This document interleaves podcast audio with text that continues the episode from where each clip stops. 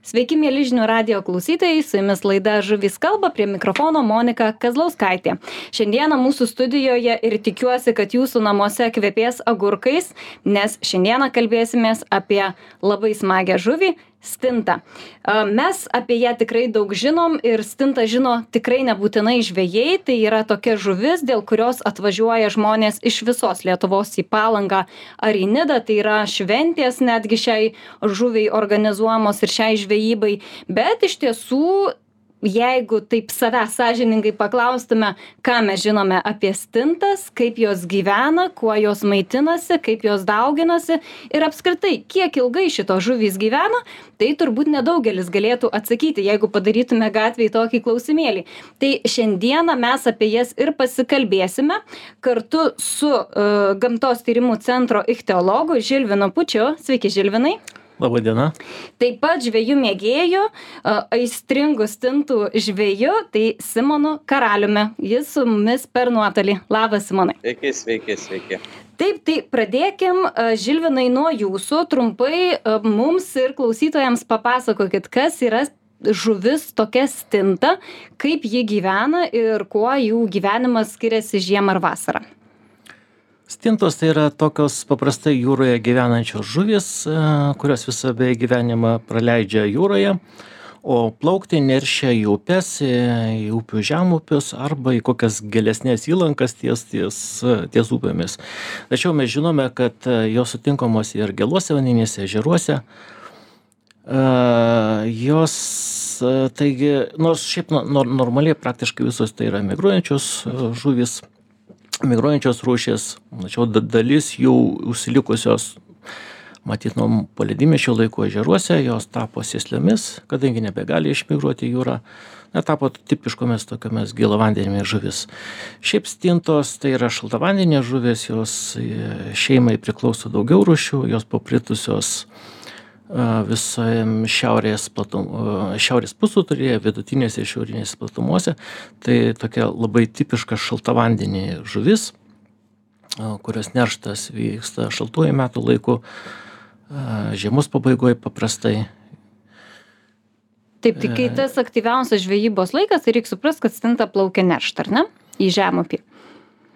Praktiškai, jeigu kalbėti apie migruojančias stintas, kurios gyvena mūsų stinta, kurios gyvena Baltijos jūroje, tai pati intensyviausia žyba be abejo tada, kai jos susirenka susirenka prieš migraciją į, į upių žemupį, konkrečiai pas mus daugiausiai Nemonto žemupyje, jos neršia ir jos žvejojamos praktiškai visoj vis vis visam migracijos kelyje sakysim tiek pakrantėje.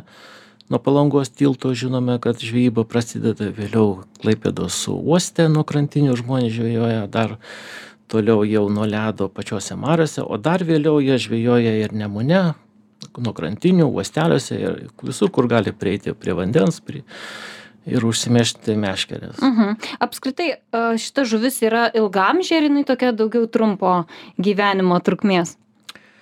Uh, sakyčiau, tai yra trumpamžė žuvis, nors gali gyventi gal iki kokių dešimties metų, bet čia matyti daugiau šiaurinėse, šiauriau Lietuvos gyvenančios stintos. Uh, pas mus didžioji dalis kur atplaukia neršti yra trijų keturių metų žuvys bet aš manau kad ir šešių ir aštuonių metų galima surasti. Mes pagaunam ir gerokai virš šimto gramų sveriančių žuvų verslininkai kurie žvejoja didesniais kiekiais turbūt ir iki kokio šimto penkiasdešim tokia jau stinta.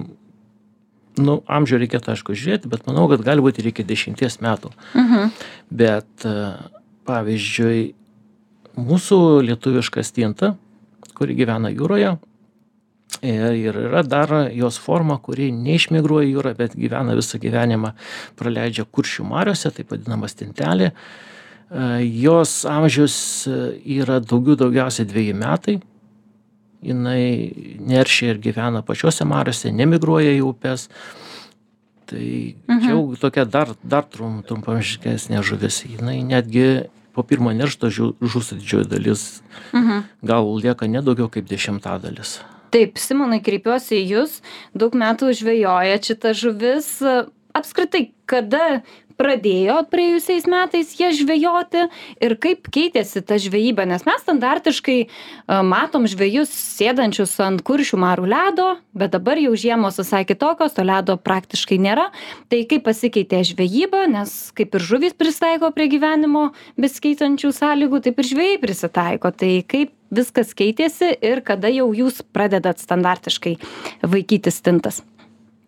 Taip monika. E, besikeičiant klimatui keičiasi ir ir žvejybos ypatumai mėgėjiškos žvejybos. Nes kaip minėjai seniau visi žvejai mėgėjai eidavo ant ledo tręšdavo eketes ir gaudydavo stintą o dabar iš tikrųjų mes atšilus klimatui dažniausiai klaipėdoje ir ir ir visose mariose nebeturime ledo negalim užlipti. Tai esam prisitaikę ir gaudom nuo krantinių pats sezonas iš tikrųjų pačios pirmosios stintos kaip mes vadinam pranašai pasirodo apie apie spalio galą ir jau galima galima mėginti dar net ne orams neatšalus mėginti pagaut pirmą keptuvės stintų. Tačiau ta didžioji migracija prasideda po kalėdų po naujų metų ir dažniausiai patys geriausi sugavimai būna sausį vasarį mhm Ar šiemet jau bandėt e, sėkmę su stintomis ir kokie rezultatai? O taip tikrai, tai jau čia laukiam nuo rugsėjo, kada jau čia tą spalį pasirodys pirmosios stintos, iš tikrųjų visi, kurie yra vietiniai klaipėtiečiai ir jiems patogu šalia Marios, jie jau nuo spalio mėnesio bando. Ir šiemet iš tikrųjų reikėtų pasakyti, kad labai vėlai pasirodė stinta netgi netgi ant kūčių stalo pavyzdžiui aš kaip vietinis nepasidėjau šiemet stintos nes nepagavom. Mhm. bet e, per kalėdas antrą kalėdų dieną aš jau buvau žvejot ir pagavau vienuolika vienetų tai čia buvo tas pirmas paragavimas. O dabar jau stinta pasirodė pasirodė žvejai gaudo dar nėra labai dideli kiekiai čia uoste kuršių mariose tačiau žinom kad jūroj stintų būriai jau yra netoli jie yra dideli ir laukiam didesnio užėjimo.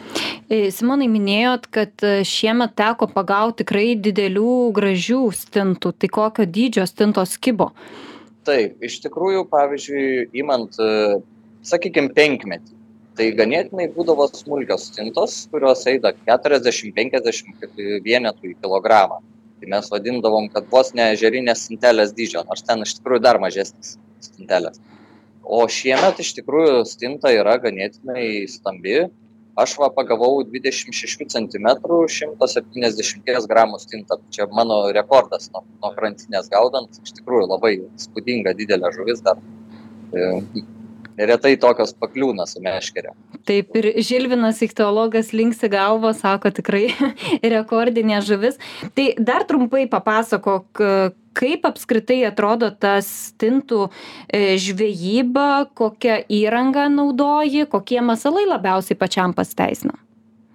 Tai čia yra kaip ir standartinė dugninė žvejyba, dažniausiai naudojami lengvi fideriukai, e, rišama sistemėlė, šiaip žmonės riša ir iš dvylikos kabliukų nes leidžia įstatymai su viena meškere žvejoti stintas dvylika kabliukų. Bet dažniausiai patogumo dėlei tos sistemos darom trumpesnes šeši kabliukai dedam žuvies porciją arba kaip e, kiti žvejai deda ir mėsos gabaliukus. Stinta valgo viską savo kelyje ką randa ką gali apžioti ką gali praryti viską ryja. Tai ir visa žvejyba susideda iš to kad atsinešam šviesą nes dažniausiai tamsiu paros metu gaudom. Vakare būna tas vakarinis kibimas kaip ir toksai geresnis. Ateina stinta prie krantų iš farvaterio iš gylio jinai pas po sutemus pasklinda po visas marias prieina prie kranto ir būna lengviau jas žvejot. Tai atsinešam šviesą. Avižėlės dažniausiai būna fosforinės jos pakraunamos tiesiog pačios švyti na ir su ta žuvies porcija metam ir laukiam kibimo Mhm. nėra labai sudėtinga žvejyba Mhm. gali bet kas atėjęs ir ir ir pirmą kartą pasižiūrėt kaip gaudo kitas ir ir tiesiog pats sėkmingai pagaut E, Žilvinai, e, Simonas sako, kad atsineša vieni žvėjai įvairių ir žuvies gabaliukų, kiti mėsos gabaliukų, net ir uh, dzikus tuos liaudiškai vadinamus, kiti ant kabliuko mauna. Tai toks vaizdas susidaro, kad stinta yra tokia plėšri žuvis. O kuo jinai šiaip maitinasi mm, visą savo gyvenimą kuršių mariose baltijos jūroje kas pagrinde yra jų maistas Na, mažos stintos yra tipiškas planktofagas, didesnės ar paaugusios stintos, jos jau labiau perina prie plėšraus mytybos būdo ir maitinasi nu, praktiškai viską, ką tik gali praryti. E, didelė maisto dalis stambesnių stintų sudaro žuvų jaunikliai, pavyzdžiui, įvairiausio, arba smulkios žuvis, tokios kaip dyglės, mhm. kurias gali praryti jau saugotis, arba smelniai grundalėliai, Mhm. panašiai.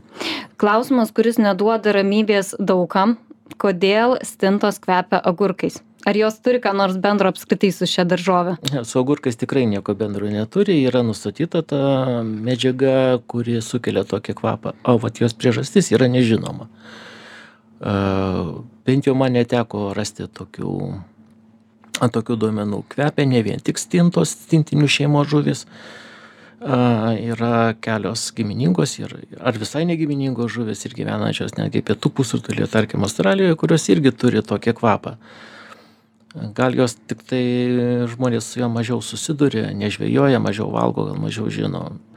O šiaip sakiau, kam tas kvapas, ar jis duoda kokį signalą, ar jis leidžia būriuotis, pavyzdžiui, neršto migracijos metu, ko galima tikėtis, nėra žinoma iš tikrųjų. mhm. mokslas dar neatsakė iš tą klausimą nes bet iš esmės tai turbūt ir ištirti tą kvapą sudėtinga kaip jisai ant odos yra randamas ar kaip Na, kiek, kiek žinau, yra audiniuose medžiaga, bet negaliu tiksliai pasakyti. Mhm. Gerai. Ne, ne, ne ant odos, tai yra tai, tai tiesiog gal pačioje odoje tiesiog lastelių Mhm. sudėti yra. Mhm.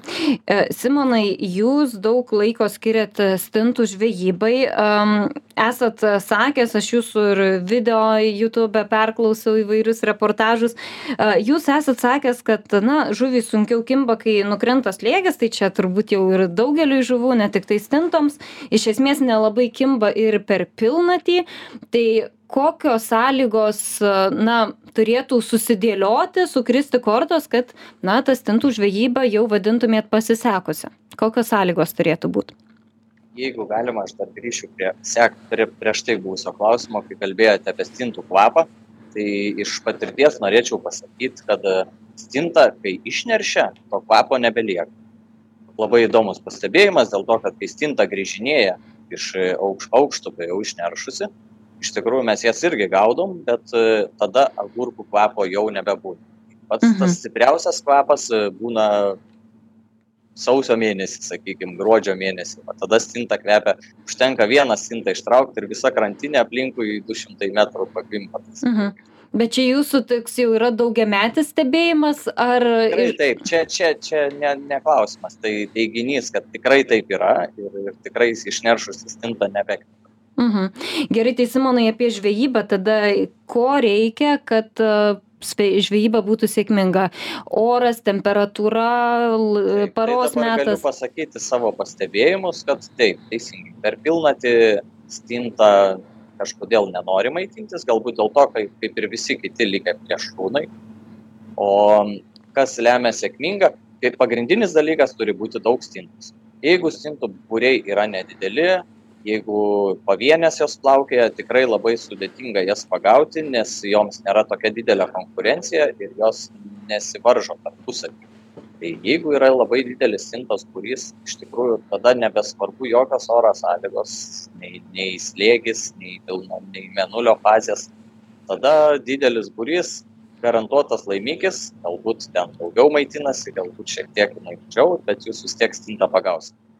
O kokie dar veiksniai, kadangi čia gaudom uostę lokaliai, tai iš tikrųjų mūsų uostą gilina, jeigu dirba žemsiurbės, tada būna vanduo drumstas. Aišku, stintai yra sunkiau galbūt pastebėti tą masalą, tai vėlgi tada būna šiek tiek sudėtingesnė žvejyba, prastesni laimikiai. E, Kas dar galėtų įtakoti? Be abejo, jeigu yra šiaurės vakarų vėjas ir įneša srovės e, jūrinį vandenį į uostą, dažniausiai žmonės linkia galvoti, kad tada užeina daugiau stintos ir, ir, ir taipogi ją būna lengviau pagauti. Mhm. O taip negalėčiau pasakyti, kad kažkokie kitokie labai dideli ten gamtos veiksniai, kaip, kaip, kaip vėjas, kaip aišku dar pastebėjimas kad stinta dažniausiai kimba prastu oru tai vat kuo prastesnis oras žvejui tuo Mhm. geresnis e, o Čia kaip- kibimas Čia kaip vėgėlių žvejyba, ar ne? Kuo bjauriau, kuo nepatogiau žvejui, tuo, tuo geriau. labai panašu kad tai galėtų būti irgi kaip taisyklė kuo prastesnis oras šlapdriba ir ir ir ir didelis vėjas Mhm. didelės bangos ir kimba gerai O žvejyba iš valties, ar jinai turi kažkokios savo specifikos? Na mes iš tikrųjų ne taip senai pradėjom žvejoti stintas iš valties tada kada nebeužsidėdavo ledas ant ant kuršių marių E, esu ir pats išbandęs tą tą būdą gal patogu yra tuom kad e, tu turi echolotą žuvų ieškiklį ir gali tiesiog toj vietoj kur kur kur įrenginys žuvies nerodo tu nestoji tu ieškai kažkur kur pamatai būrį tada meti inkarą ir sėkmingai gaudai Mhm. tačiau tai didelio skirtumo ar žvejoti nuo krantinės ar iš valties nėra visi principai yra tie patys kabliukai tie patys meškerės yra tos pačios tiesiog kad galima žuvį susirasti echoloto pagalba Mhm. Kalbėjom apie tai, kokius masalus mėgsta stintos, kad jos į, įvairius gali paragauti žuvies gabaliukus ar netgi tas būtent dzikus. O kas natūraliai gamtoje maitinasi stintomis? Nes, na, ekosistema vandens yra viskas sudėliota taip, kad yra piramidės principų, viskas vyksta. Kas maitinasi stintomis? tikrai taip mūsų kuršių marios iš tikrųjų yra e, užmaitinamos stintų jaunikliais todėl kad e, tada kai išsirita pavasarį stintelės mažos ir jos per vasarą auga tai jas valgo turbūt visos likusios žuvys tiek balta žuvis tiek plėšri čia yra kaip delikatesas bet kam tiek kuojoms tiek e, karšiai ryja stinteles aš jau nekalbu apie visas kitas e, plėšrias žuvis kaip starkis ešerys ir lydeka ir taip toliau Mhm.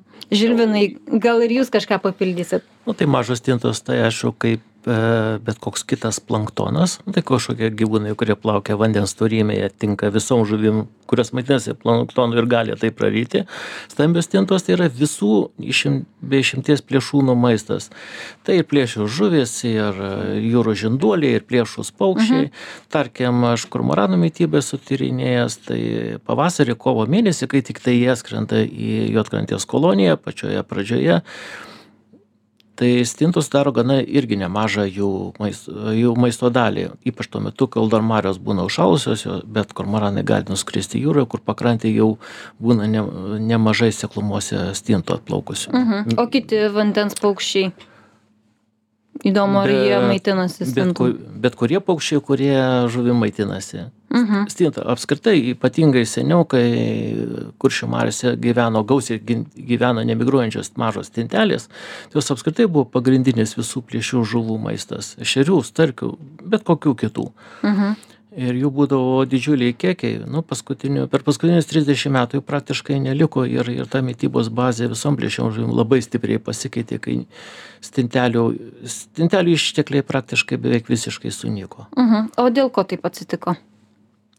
aš manau kad tai tai yra klimato klimato poveikis stintelė yra šaltavandenė tipiška šaltavandenė žuvis o klimato kaita ypatingai ypatingai pasireiškia šaltuoju metų laiku tai yra ankstyvą pavasarį žiemą o tai yra stintelių ir stintų nerštų laikotarpis. Sakysim didstintės kurios išmigruoja į jūrą jos a, gali pasitraukti gilesnius vandenis kur ta klimato kaita ši vandens šili šis sušilimas dėl klimato kaitos jisai mažiau pasireiškia jos gali matyt lengviau išvengti tų to to poveikio. Tai jų išteklių sumažėjimo mes nematome. Atvirkščiai mes m, pastebime kad st- distinčių laimikiai didėja ir didėja visoj baltijoj. Gal išskyrus rygos įlanką bet ten kiti dalykai pasireiškia. Mhm.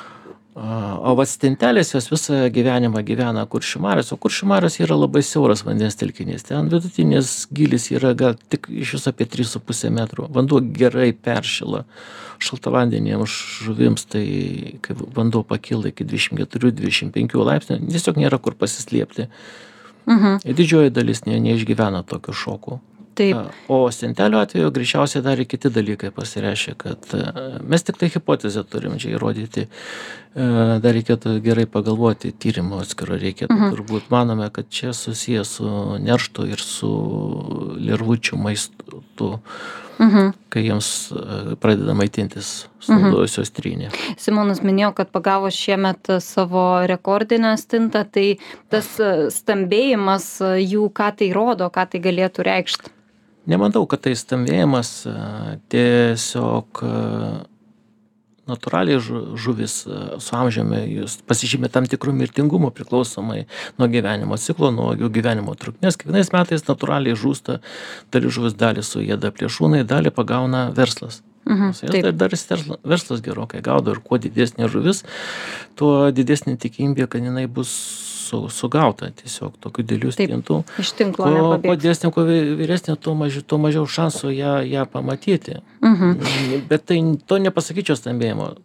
Taip, Kad vienais metais daugiau didesnių ar mažesnių, e, tai grįž- susiję su išteklių pasipildymu. Kaip sėkmingai, kuriais metais, koks sėkmingas nerštas buvo, kaip sėkmingai užaugo jaunikliai iki žiemos pakankamo dydžio, kad galėtų sėkmingai peržiemoti. Mhm. Taip, tai Kiek- būtinai dar apie stintų nerštą pasikalbėsim, kur jos neršia. Dabar turim išsiskirti trumpai pertraukai, likit su žinių radiju, labai greitai sugrįšim. Sveiki sugrįžę, su jumis laida Žuvys kalba, prie mikrofono Monika Kazlauskaitė. Toliau nardome kartu su stintomis, kartu su e, Gamtos tyrimo centro ichtiologu Žilvino Pučiu ir e, žvėjų mėgėjų Simonu Karaliumi. Kalbėjome prieš pertrauką apie tai, kokia situacija su stintų ištekliais. Tai kaip ir žadėjom, noriu dar trumpai pasikalbėti apie tai, kur stintos neršia, kur jos išplaukia neršti, kiek laiko at, e, jos neršia ir jų palikuonys, kiek jie laiko užsibūna tose upeliuose ir kada jie ir kur išmigruoja. Žilvinai. E, Nu, mūsų migruojančios stintos vadinamos distintės, kurios gyvena jūroje ir traukia per kuršių marės į Nemono žemupį.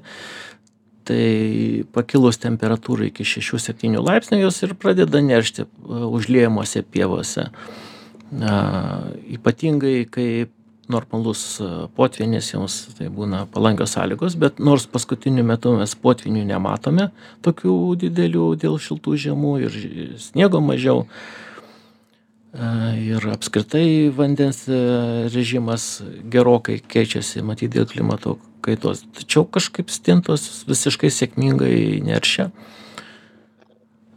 Ir paprastai vasaros pirmoje pusėje jos išmigruoja per kuršių marias į Baltijos e, jūrą ir pakrantėse dar iki rudens jų galima nemažus būrius pastebėti vykdant. Vykdant tyrimus baliniais pagautom kartais ir, ir pakankamai daug. Mhm. Taip, Simonai, žvejybos klausimas, ar ne? Stinta turbūt pritraukia žvėjų iš visos Lietuvos. Pats esi klaipėdėtis. Kokie pastebėjimai, kada būna didžiausias žvejybos pikas, kada atvažiuoja daugiausia žvėjų žvejoti? Na, stintų žvejyba tikrai toks labai azartiškas dalykas ir tie, kas pabando, jie nori atvažiuoti ir kitais metais, operuojasi į didesnės grupelės, nu, važiuoja keletą žmonių vienu automobiliu, susiplanuoja netgi vienos, dviejų dienų kelionę į Klaipėdoje pabūti, žvejoti stintų. Tai čia toks tas reiškinys jau eilę metų tęsiasi.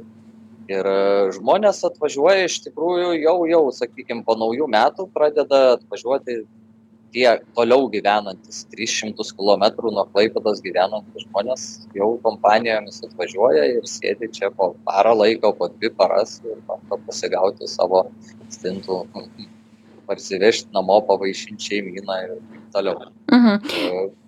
Ar kreipiasi į jūs patarimų, kaip pagauti, kaip ką naudoti, nes vis dėlto turbūt susiža, susidomėjusių, susižavėjusių šitą žvejybą yra nemažai, bet vis dėlto nu, ne visi turi tų žinių, jeigu jie pagaudo jas tik tais kartą per metus. Pavyzdžiui, Vilniečiam galbūt sudėtinga. Tikrai taip. Aš e, jau gal septyni ar aštuoni metai kaip e, socialiniam tinkle vedu stintų temą. Kiekvieną rudenį atverčiu naują lapą ir tenai dalinamės informaciją, ar žmonėm apsimoka atvažiuoti, ar jau gerai stinta kimba, e, kokia padėtis, ar yra vietų ir taip toliau. Ir ta e, informacija žmonėms labai reikalinga, aš, aš bandau ją sisteminti, kad viskas būtų vienoje vietoje, kad viskas būtų realiu laiku, netgi pats, kai einu žvejoti, įkeliu informaciją, kur, kur sėdžiu, ką gaudau, kaip man sekasi ir žmonės daro išvadas, ar jiems apsimoka atvažiuoti, ar palauks kito savaitgalio, tarkim, Mhm. ir panašiai. Ir dabar. tokia kaip socialinė veikla, manau, kad aš užsimu žmonių, žmonių informacijos papildymų, kad kaip, kaip, ar verta važiuoti žvejoti. Taip, ir dabar tokia atrodytų nestabili žiema, tai šalčiai, tai atšilimas, tai vėl buvo šalčiai ir vėl dabar šią savaitę turėsim pliusinę temperatūrą. Tai vis dėlto kaip tai veikia žvejyba, kaip veikia žuvis, ar jos aktyvios maitinas, nesimaitina. E, Visi pokyčiai, kaip ir visom kitom žuvim, yra reikšmingas dalykas ir, pavyzdžiui, kai šitaip šokinėja temperatūra, aišku, tas aktyvumas nėra toksai didelis. Kada dabar buvo šalčiai, stinta kybo, tikrai žmonės pagavo neblogai, o dabar va, turim atlydį, atšilimą, plaukia ledai, įžas sudėtinga gaudyti nuo kranto ir iš tikrųjų galiu pasakyti, kad kimba šiek tiek praščiau. Tai, tai Mhm. vadinasi, turi įtakos tas oro šokinėjimas, temperatūrų skirtumai Mhm. prastesniam kibimui. Apskritai, e, Žilvinai, jau palėtėm temą apie stinteles, kad jau klimato kaita galimai daro žalą jų populiacijoms. Ką apskritai tai atneš ir mūsų didstintiems, nes, na, jeigu jos yra šaltą vandenį mėgstančios žuvys, klimato kaita yra akivaizdi ir, na, tas jau net ir tai, kad ledo nebeturim praktiškai ant kuršių marių, tai ką tai prognozuoja? Na, aš pas, pasistudijavau versinius laimikius, o tai yra vienas iš geriausių rodiklių apie išteklių būklę ir apie paskutinius 70 maždaug metų laikotarpių. Ir mes matome, kad e, pasižiūrėjus visus laimiklius, e, laimikius visose e, tiek mariuose, tiek Nemuno žemėje, tiek mūsų jūros priekrantėje, tai jie auga. Ir tas augimas yra toks labai akivaizdus. E, tie laimikiai auga ir paskutinius 30 mečius, kada klimato kaita labiausiai ir pasireiškia. O per šį laiką mes pastebėjom, kad pavyzdžiui, e, ledo dangos trukmė kuršių mariuose sutrumpėjo per 30 metų maždaug vienu mėnesiu. Tai yra nepaprastai daug per tokį geologiškai ar istoriškai trumpą laikotarpį. E, Bet panašios, kaip nekeista, panašios tendencijos, vat, nežiūrint šito klimato kaitos, stebimos e, ir kitose Baltijos, visam Baltijos regione. E, Tiek Estijoje, tiek Latvijoje, tiek Suomijoje, kur stinta žvejoja, tiek kitose vietose jų laimikiai auga. Aš gal mažiau apie Rusijos laimikius. Jie irgi žvejoja tiek Suomijoje įlankoje, tiek e, Karaliaučiaus krašte. E, Vienintelė vieta, kur stintų laimikiai nedidėjo, tai Rygos įlankė, bet tai yra susijęs su užtvankomis ant Dauguvos upės. Mhm. Pastačius užtvankas ten stintos jau nebeneršia arba nebeneršia. Taip masiškai jos, jų visas nerštas persikėlė į, į Estiją, Mhm. į, į Estijos didesnėsias upes. Mhm. E, Dar noriu kreiptis į Simoną apie tą žvejybą ant ledo. Man vis tiek įdomu, nors to ledo jau vis mažiau ir mažiau turim, bet vis dėlto tikrai sėdėjai ant ledo, kai jo dar buvo. Kaip skiriasi žvejyba, tarkime, na, tarkime, Klaipėdoje, kaip ir minėjai, ant kuršių marių jau ledo vis mažiau, bet dar Nidoje, kur kuršių marios yra šiek tiek kitokios, galima taip įsireikšti. Ar ten teko galbūt bandyti sėkmę su stintomis? Tikrai taip, aš kadangi žvejoju jau ne, ne vieną dešimtmetį stintas, e, yra kaip tradicija ir labai norisi, kad jeigu yra nors tas ledas lipamas ir saugus, mes visada nors kartelį, nors porą kartų per sezoną pabandom išvažiuoti į Nidą arba Juotkrantę ir ten pažvejoti.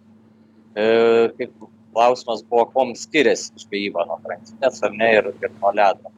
Tai meškerėlių skaičiumi, sakykime, dažniausiai nuo ledo gaudo trim meškerėlėm. Yra daug trumpesnės sistemėlės su, su tik tai vos keletą vižėlių. Ir e, būna tokie raudoni sargeliai, tai žmonės juokauja, sako, grįžau iš sintų žvejybos ir visą sa- savaitę dar sapnavau tos raudonus bombuliukus linksinčius. tai čia toks įdomus pastebėjimas, nes tie, tie, tie sargeliai raudoni rodo kibimą. Taip. E, Nu, a, aišku, skirtumas toks, kad reikia gręžti eketės. Yra visiškai kitoks gylis. Nidoje ten yra 3-4 metrai gylio maksimum.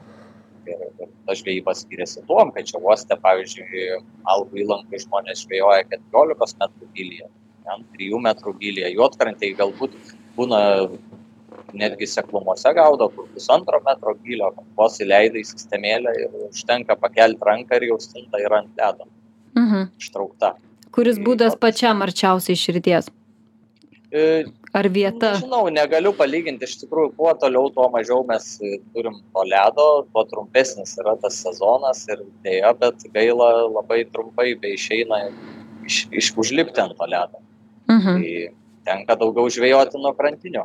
Mm. Aišku, nu, dabar žmonės e, turi galimybės, nusiperka tas palapinės kubus, e, juose prisišildo, sėdi, sėdi kaip namuose, o išsirengia po, po mėgstukais, viduj 15 laipsnių, palapinės išoriai minus 15, viduj plus 15, pasidaro komfortiška ta žvejyba.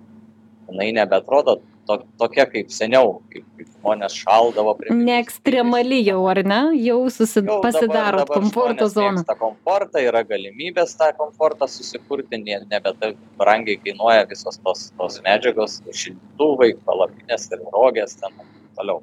Bet labai turi savitą žavesį tą ledo žvejybą ir žmonės tikrai labai labai mėgsta ir jeigu tik gali, tada stengiasi užlipti ant to ledo ir pa- pažvejoti stintą. Galbūt ne, ne tiek pati stinta tampa kaip, kaip taikiniu ar, ar, ar pagrindiniu dalyku, dėl ko važiuojama, bet labai labai egzotiška pabūti ant to ledo platybėse, kur aplinkui, pavyzdžiui, 2 km į vieną pusę ir 2 km į kitą yra tik ledas.